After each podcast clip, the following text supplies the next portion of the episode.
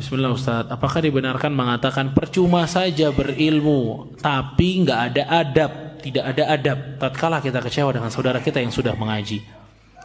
Ya barakallahu fikum, ya. Kalimat ini tidak boleh secara umum kita katakan. Ya, apalagi mengatakan percuma saja berilmu. Gak ada sebenarnya yang percuma dari ilmu kecuali memang tidak diamalkan.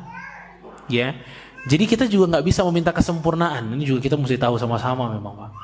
Kita nggak bisa mengharap kesempurnaan dari teman-teman yang udah ngaji. Nggak bisa. Kita mau, mau mengharap kesempurnaan apa dari teman-teman kita gitu loh.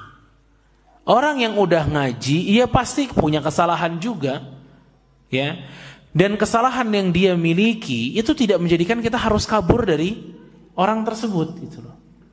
Ya. Berarti orang ini kurangnya di adab, maka suruh belajar adab, suruh praktekkan adab gitu. Tapi untuk ilmu yang dia belajar, misalnya ilmu sholat, dia sholat dengan ilmunya, kan ini bagus, nggak percuma. Ya, dan orang kalau sudah berilmu dan mengamalkan ilmu dia, itu bermanfaat ilmunya walaupun tidak keseluruhan. Berarti ada ilmu adab yang dia miliki atau belum dia miliki tapi tidak tidak dia amalkan. Maka PR-nya untuk orang ini maka dia harus beradab, berilmu tentang adab. Dan orang yang kesel sama dia ini nggak usah juga keterlaluan. Ya.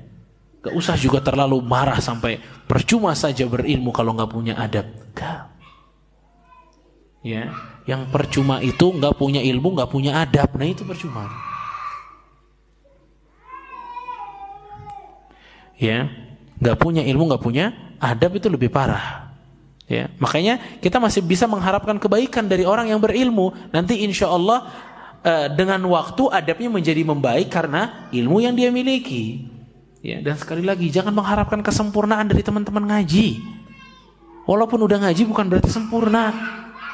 Ya, bukan berarti sempurna. Nggak sempurna orang. Mau ngaji nggak ngaji nggak bakal sempurna. Yang udah ngaji juga gak bakal sempurna. Ya, jadi jangan pernah mengharapkan kesempurnaan dari teman-teman kita yang udah ngaji. Dan parahnya, ya, Kadang kita mengharapkan kesempurnaan bagi teman kita yang udah ngaji. Dan kalau dia punya kesalahan, kita nggak mau kasih alasan buat dia. Kan udah ngaji, kok masih gini? Padahal kita kalau bersalah, kita pengen teman kita memberikan uzur kepada kita. Lihat, nggak adil kita. Kalau dia salah kita mau langsung sikat aja, giliran kita yang salah, kamu tabayun dulu dong sama saya. Dia maunya dikasih uzur, tapi nggak mau ngasih uzur.